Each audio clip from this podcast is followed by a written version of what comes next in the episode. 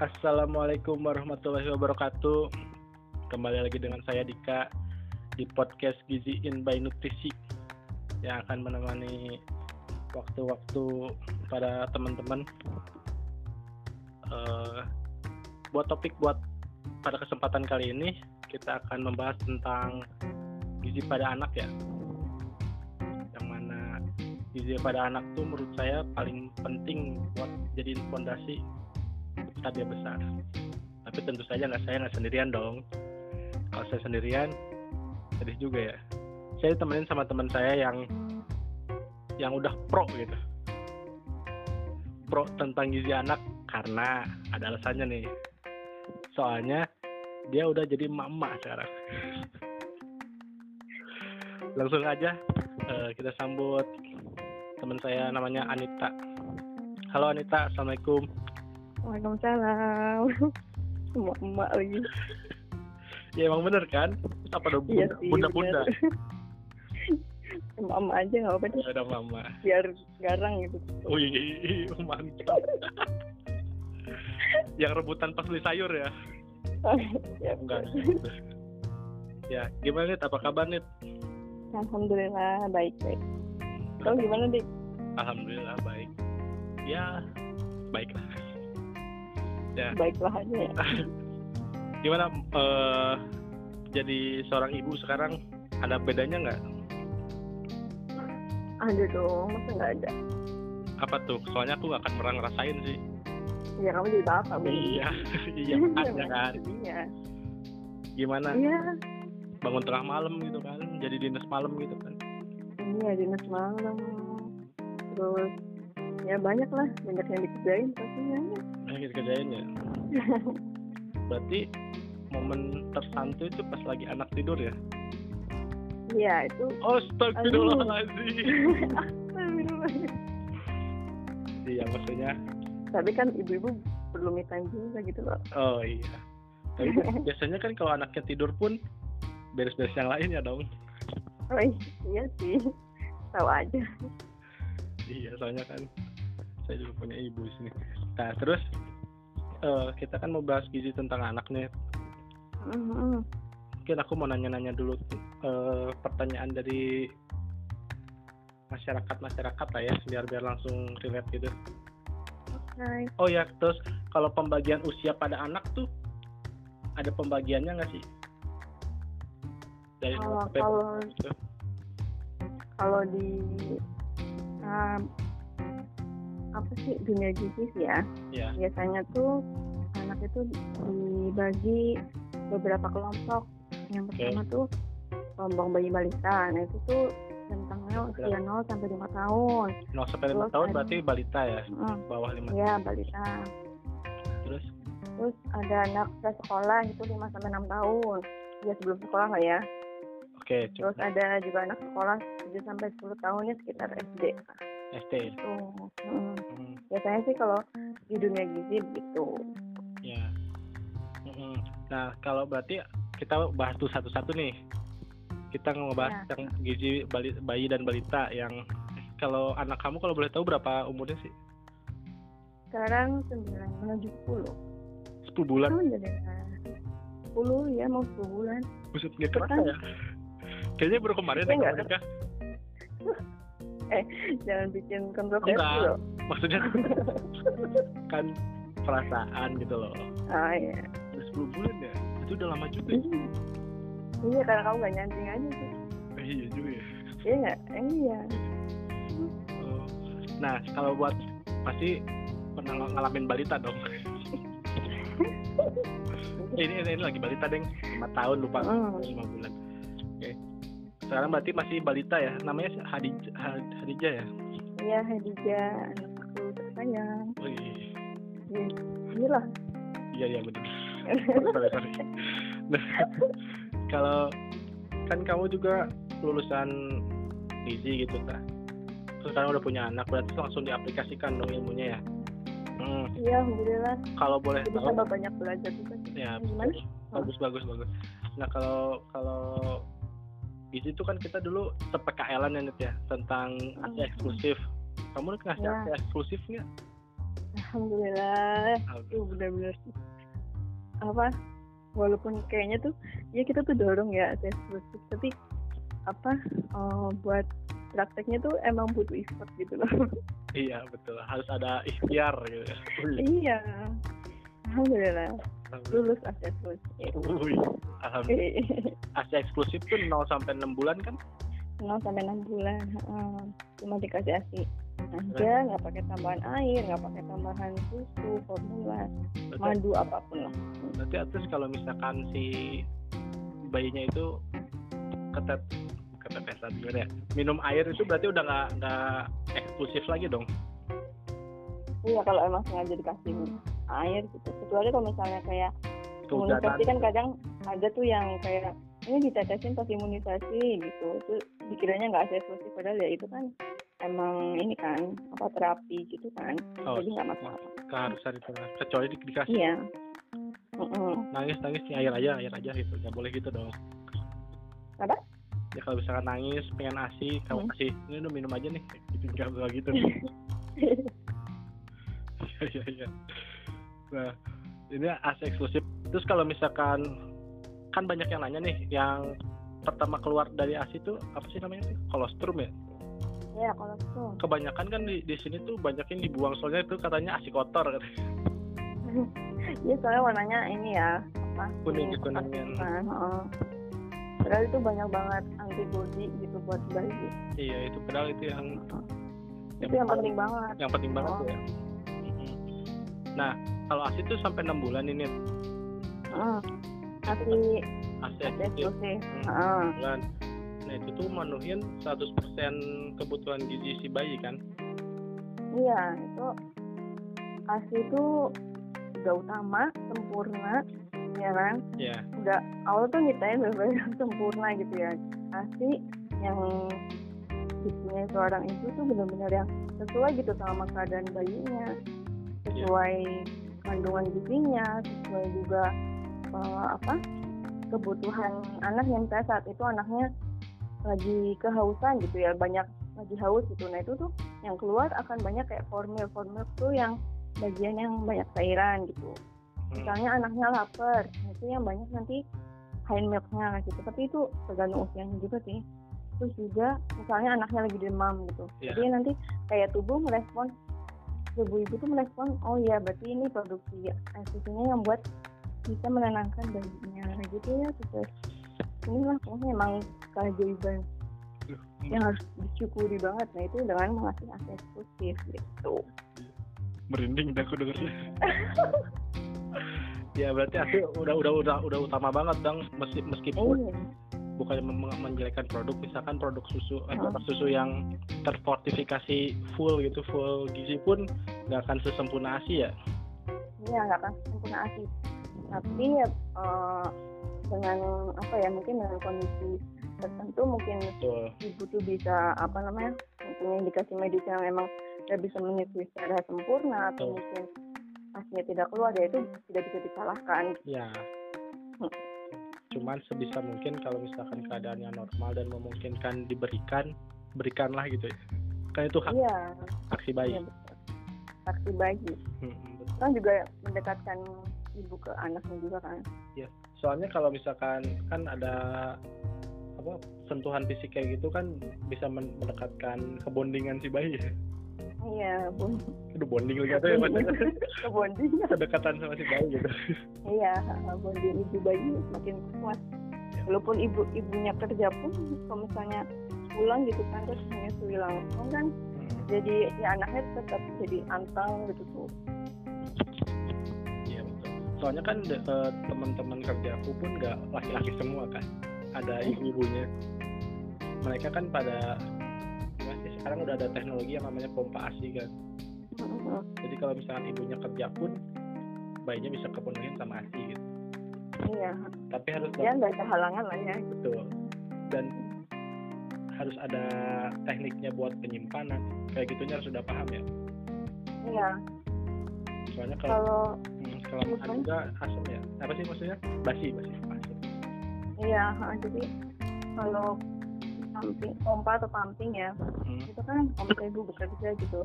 Biasanya tiap dua jam sekali pumping gitu atau nggak kerja gitu pumping. Nanti di disimpan di cooler box atau nanti Iya. pindah ke freezer atau apa. Buat persediaan.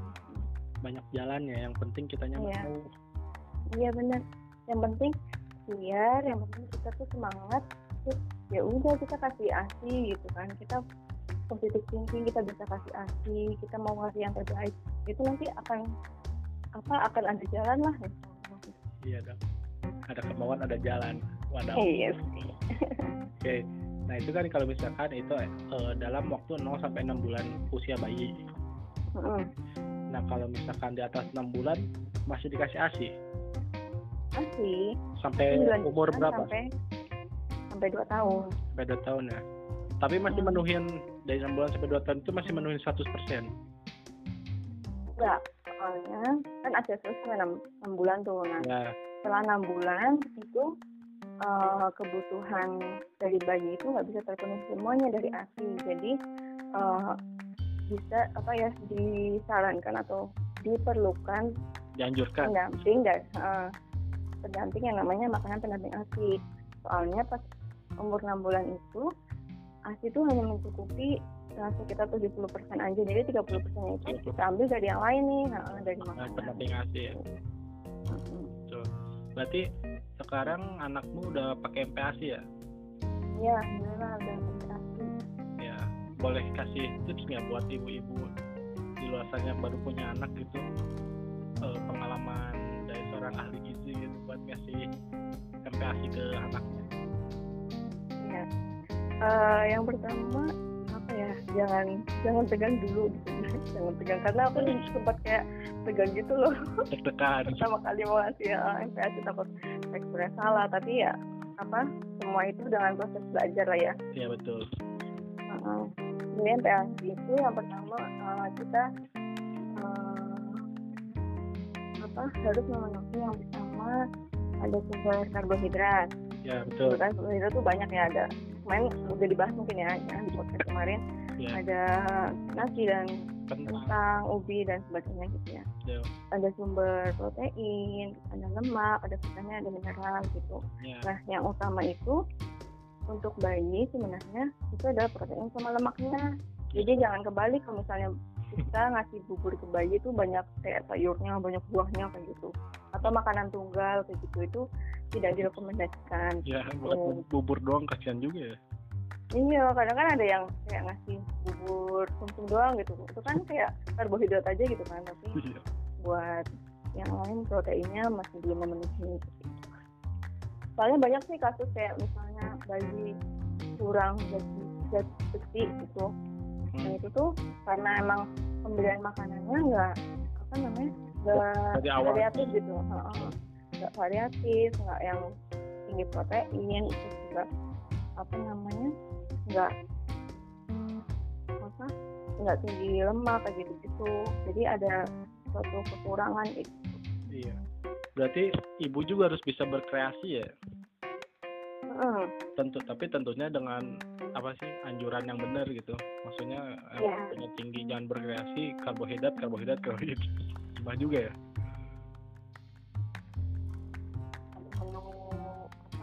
RPA sudah normal lah ya itu bisa di Instagram itu di mana-mana bisa gitu kan. Nah, yang penting tahu oh gitu. Sorry, suaranya noise tadi gimana? Oh iya. Diulang Eh, sebenarnya kan kalau referensi menu gitu kan udah banyak ya dari bisa lihat di Instagram bisa lihat di buku resep TikTok. MPAC TikTok pun ada TikTok pun ada. Yang penting ibu-ibu tuh tahu gitu yang namanya sumber karbohidrat yang mana protein lemak terus vitamin mineral gitu. Tuh. terus kita tuh sebagai emak-emak tuh ya Waduh, mama bener. emang kudu diaminkan kudu berpikir gitu kan. Kudu berpikir yang praktis gitu jangan yang merepotkan diri sendiri. Kadang kan ada yang "Ih, pengen yang bubur yang ngehit gitu. Kadang kan ada yang gitu ya. Apa bubur yang Jadi itu apa? maksudnya tuh kayak yang harus tidak apa ya yang kayak bahannya nggak terjangkau tuh oh kudu beli ikan ini kayak gitu. Ikan salmon misalnya ya ikan salmon gitu ya. Kayak kudu ke mall gitu atau ke supermarket. Padahal misalnya di dekat kita gitu ada ikan patin yang proteinnya juga bagus gitu kan. Iya, ikan itu gabus. Mm, iya ikan gabus gitu kan. Hmm. dan itu ya udah kita gak usah merepotkan diri sendiri bisa yang yang mudah dijangkau yang murah terus juga apa namanya ya emang kita biasa konsumsi di keluarga kan gitu. Jadi tidak usah merepotkan diri sendiri. Yang penting variatif bikin jadwal menu. Nah iya betul gitu. Terus misalnya tiap harinya diganti gitu dirubah. Karena biasanya kalau anak aku ya misalnya udah tiga kali makan. Ya. itu tuh oh dua, dua, kali- dua, Oh. dua, dua, dua kali makan? Tiga kali makan oh tiga kali. Oh iya tiga kali ya. Iya tiga kali makan. Tiga kali makan terus sebenarnya besoknya tuh ternyata buburnya masih ada. Kan kadang aku kasih gitu kan. Maksudnya masih bagus gitu tuh. Hmm.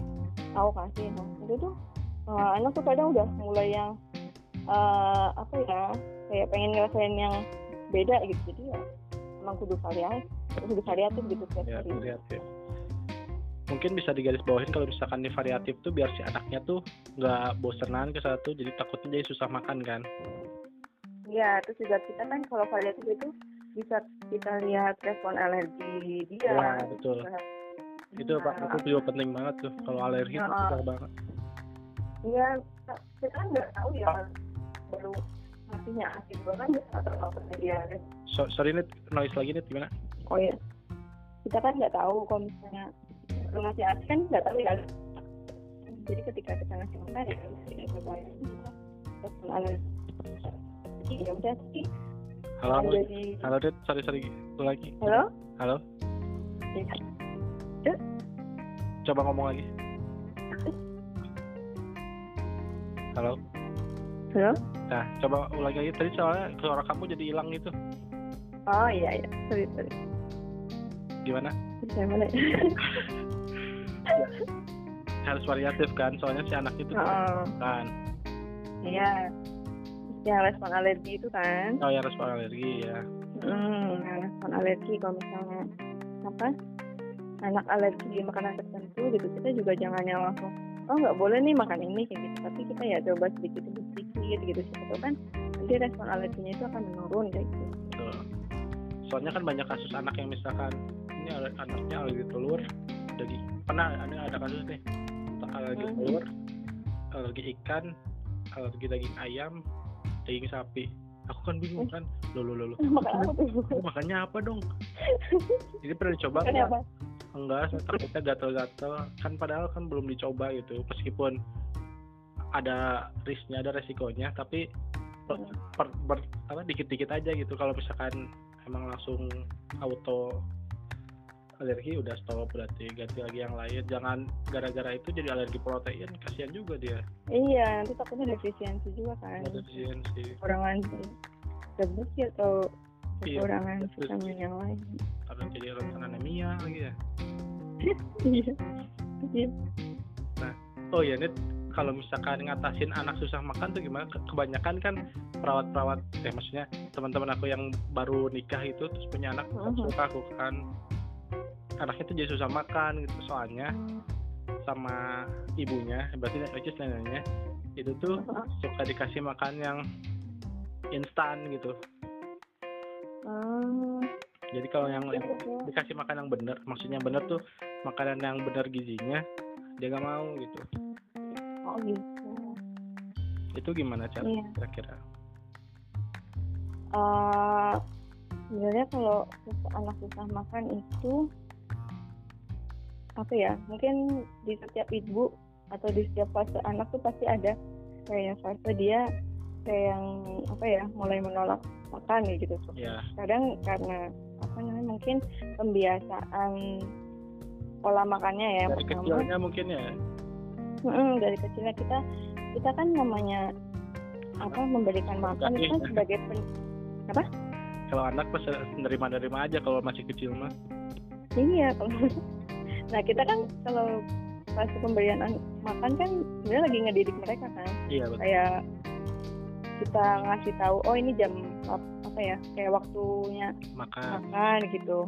Fase lapar fase kenyang itu kan kita juga apa mulai mendidik itu kan. Jadi mungkin dari awalnya itu jangan yang kita kasih makan terus jadi ya tuh kayak nggak pernah ngerasa lapar gitu tuh. Jadi nanti gedenya ya ya udah gitu tuh. Nggak saya nggak pernah ngerasa lapar dan ya makanya juga nggak yang apa yang benar banyak teratur gitu. gitu ya. Iya teratur. Kita jadi tahu oh kita pahamin dulu uh, gimana? Tanda-tanda anak lapar. Anak lapar tuh biasanya apa ya gigit apa mulai kayak masukin jari ke tangan atau kayak pengen ngeraih makanan ya gitu Iya, gitu. rewel gitu. Nah itu tuh kita Malah mulai paham oh Ya itu kalau udah bisa ngomong ya. Ya. ngeri juga ya. Iya.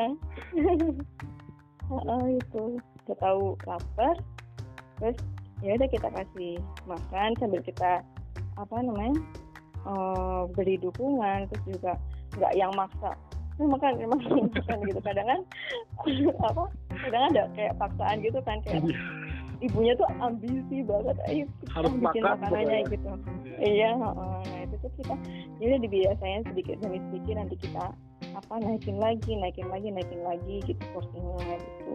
Terus juga jangan sampai di apa barengin kayak disandingin HP atau disandingin TV kayak gitu loh. Jadi Oh, iya. kayak fokus anak tuh Keterusan ya. nggak kemakan. Jadi mungkin bukan karena makanan instannya, tapi mungkin juga lingkungan sekitarnya gitu loh. Kayak dia lebih fokus ke hal lain. Hmm, jadi kalau misalnya nggak ada HP nggak TV dia nggak mau makan dong pastinya Nah itu biasanya kan kehambatnya itu. ya berarti sebenarnya tuh makan pun ada pendidikannya ya harusnya tuh ya Iya, Hmm. kata emang makan tuh proses mendidik juga gitu. iya soalnya buat buat buat ke, ke pas sudah dewasanya jadi pondasi gitu kan Mm-mm. soalnya jujur aja aku juga dulu nggak dibiasain makan sayur kan Oh gitu. iya aku tuh suka sayur tuh pas kuliah aja soalnya nggak Oh, soalnya ya. nggak- ada pilihan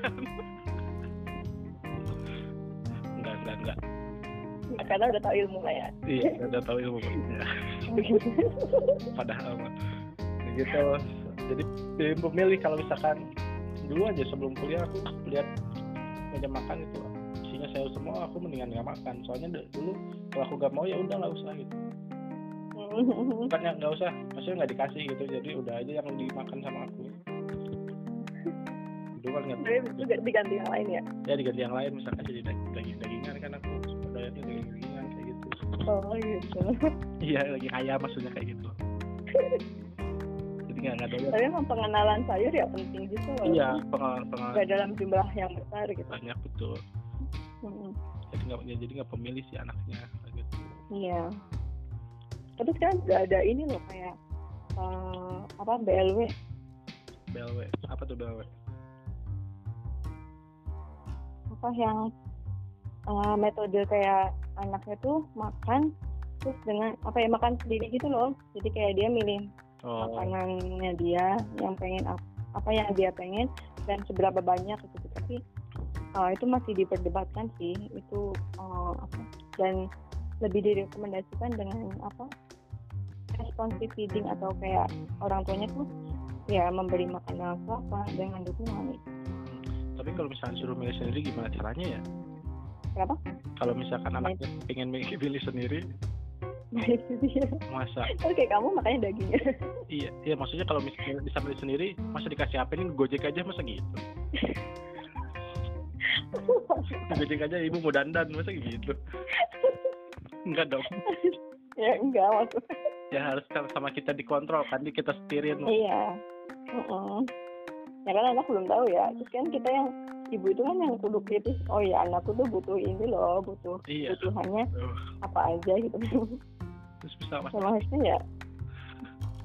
anakku nangis kayaknya dia lapar deh. Ini deh HP udah aplikasi Pilih sendiri aja yang menunya gitu ya.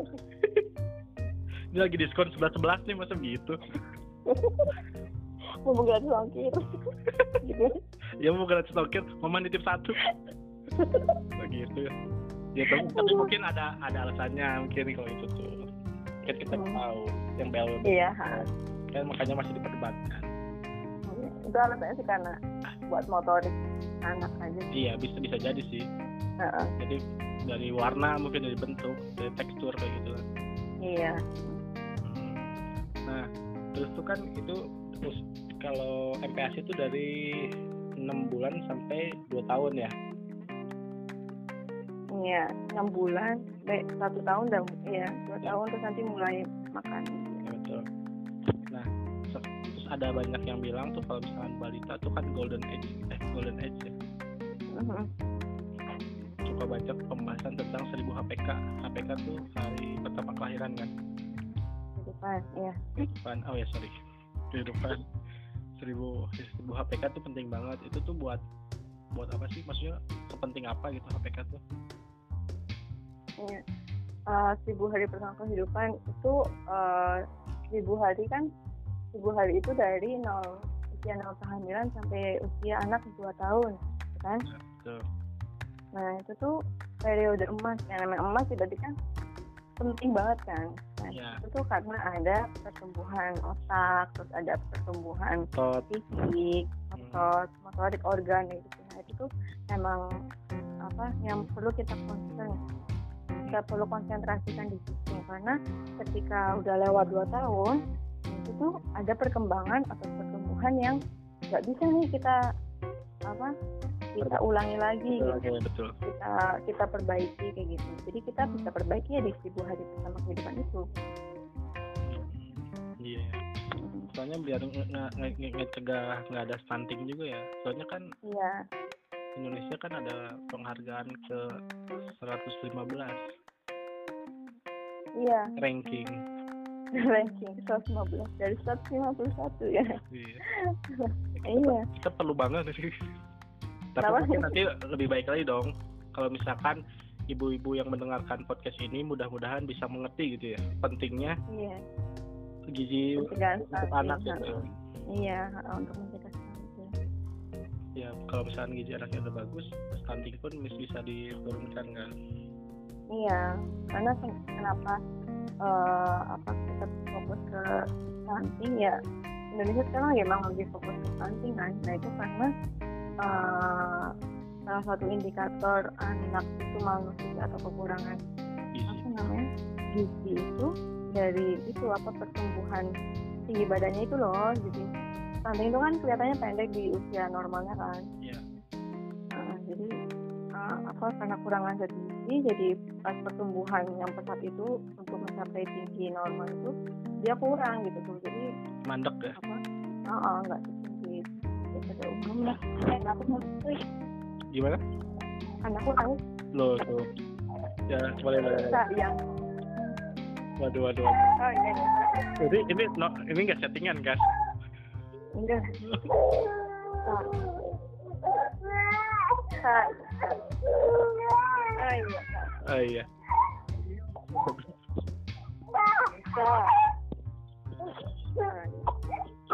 Aman deh aman aman deh. Ibu ibu kamu baik-baik saja tenang.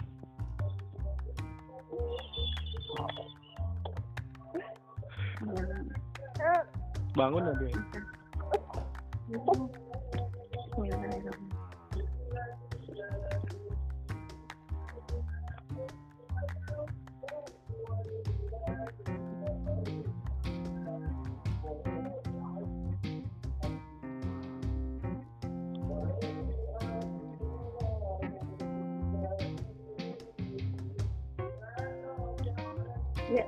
jam berapa emang nih tadi? jam 8 tadi baru. Eh, bangun kebangun lagi kaget kayaknya ada suara ya. Oh, iya mungkin. Hmm. Tapi langsung berhenti ya? Hebat juga kamu. Itulah asli. Mantap. ya, tuh bisa didengar teman-teman emang kalau udah pro tuh. Tapi itu juga perlu proses kan, nggak dulu kan pasti langsung panik kan. Iya sih. Ini nangis nih, gimana nih? Tolong, tolong. Nggak, nggak gitu ya. Tolong warga gitu ya. Waduh, jangan juga. Datang semua warga. Ada apa, ada apa? Anakku nangis. Dibakar kamu. Terus, eh, udah, udah tidur lagi dah. Oke, well. Nggak perlu nyanyi kan aku? Nggak usah lah.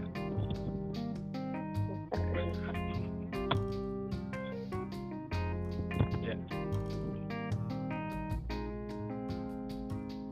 Kalau misalkan, Nit, kalau ngobrol bentar lagi bisa kan ya? Bisa, bisa. Hmm. kalau kalau pemberian porsi makan itu eh, berapa porsinya sih kalau misalkan kan suka ada di gram-gramin tuh apa secukupnya aja apanya? Kan kan kalau misalkan umur 10 bulan ya itu tuh Mhm. masih di blend kan? Iya masih di blend. Berarti kalau misalkan yang penting diperbanyak itu dari proteinnya sama dari lemaknya ya? Karbo Iya. karbohidratnya mah cuman ya berapa seperempatnya lah bisa bisa dibilang gitu ya? Eh, iya sih cuman eh, apa kayak ukurannya kalau bisa proteinnya itu bisa sebanyak sama karbohidratnya gitu walaupun ya karbohidrat tetap ya, banyak gitu. Tetap ada gitu ya.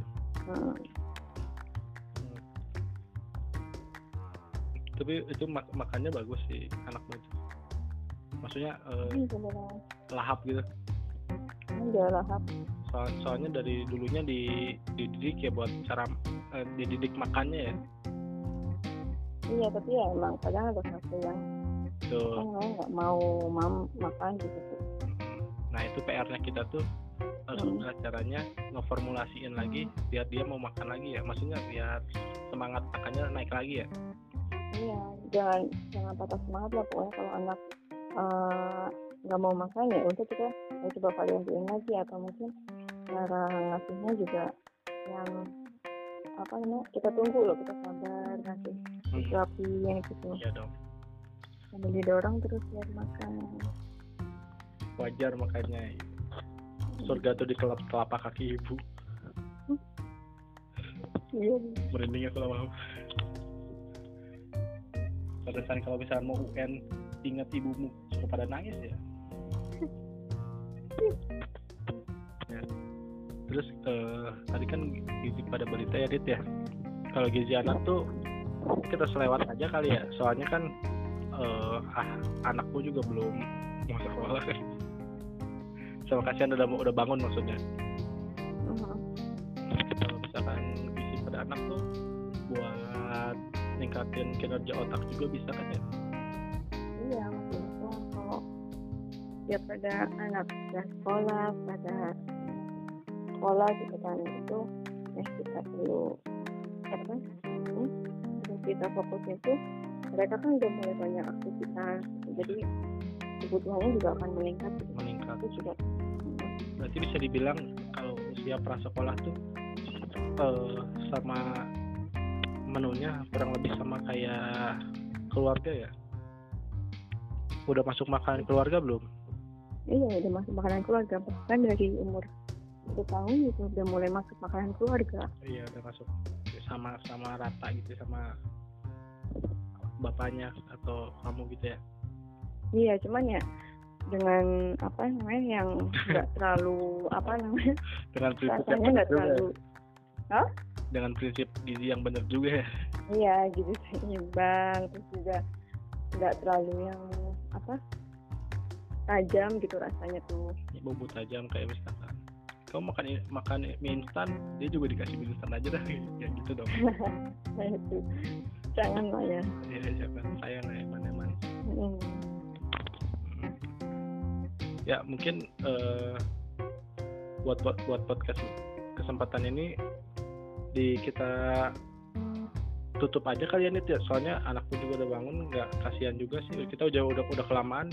Mudah-mudahan eh, podcast kita yang tadi kita bahas tentang gizi balita itu mudah-mudahan kan itu paling pentingnya kan bukan paling ya paling utamanya kan dari siklus manusia.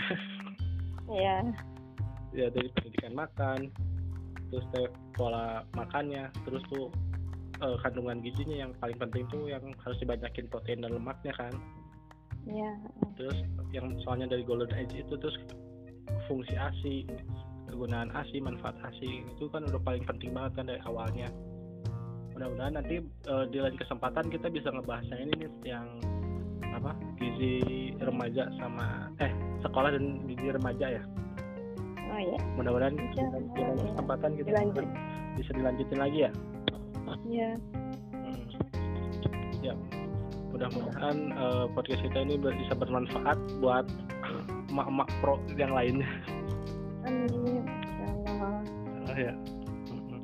Ya Nah mungkin cukup sekian. Terima kasih banyak ya Nit ya udah nemenin. Salam juga buat keluarga. Iya, ngomongnya udah salam salam salam keluarga. Ngeri juga. ya. Oke, eh, saya tutup kalau gitu. Assalamualaikum warahmatullahi wabarakatuh. Waalaikumsalam. Waduh, dijawab ya. Terima kasih.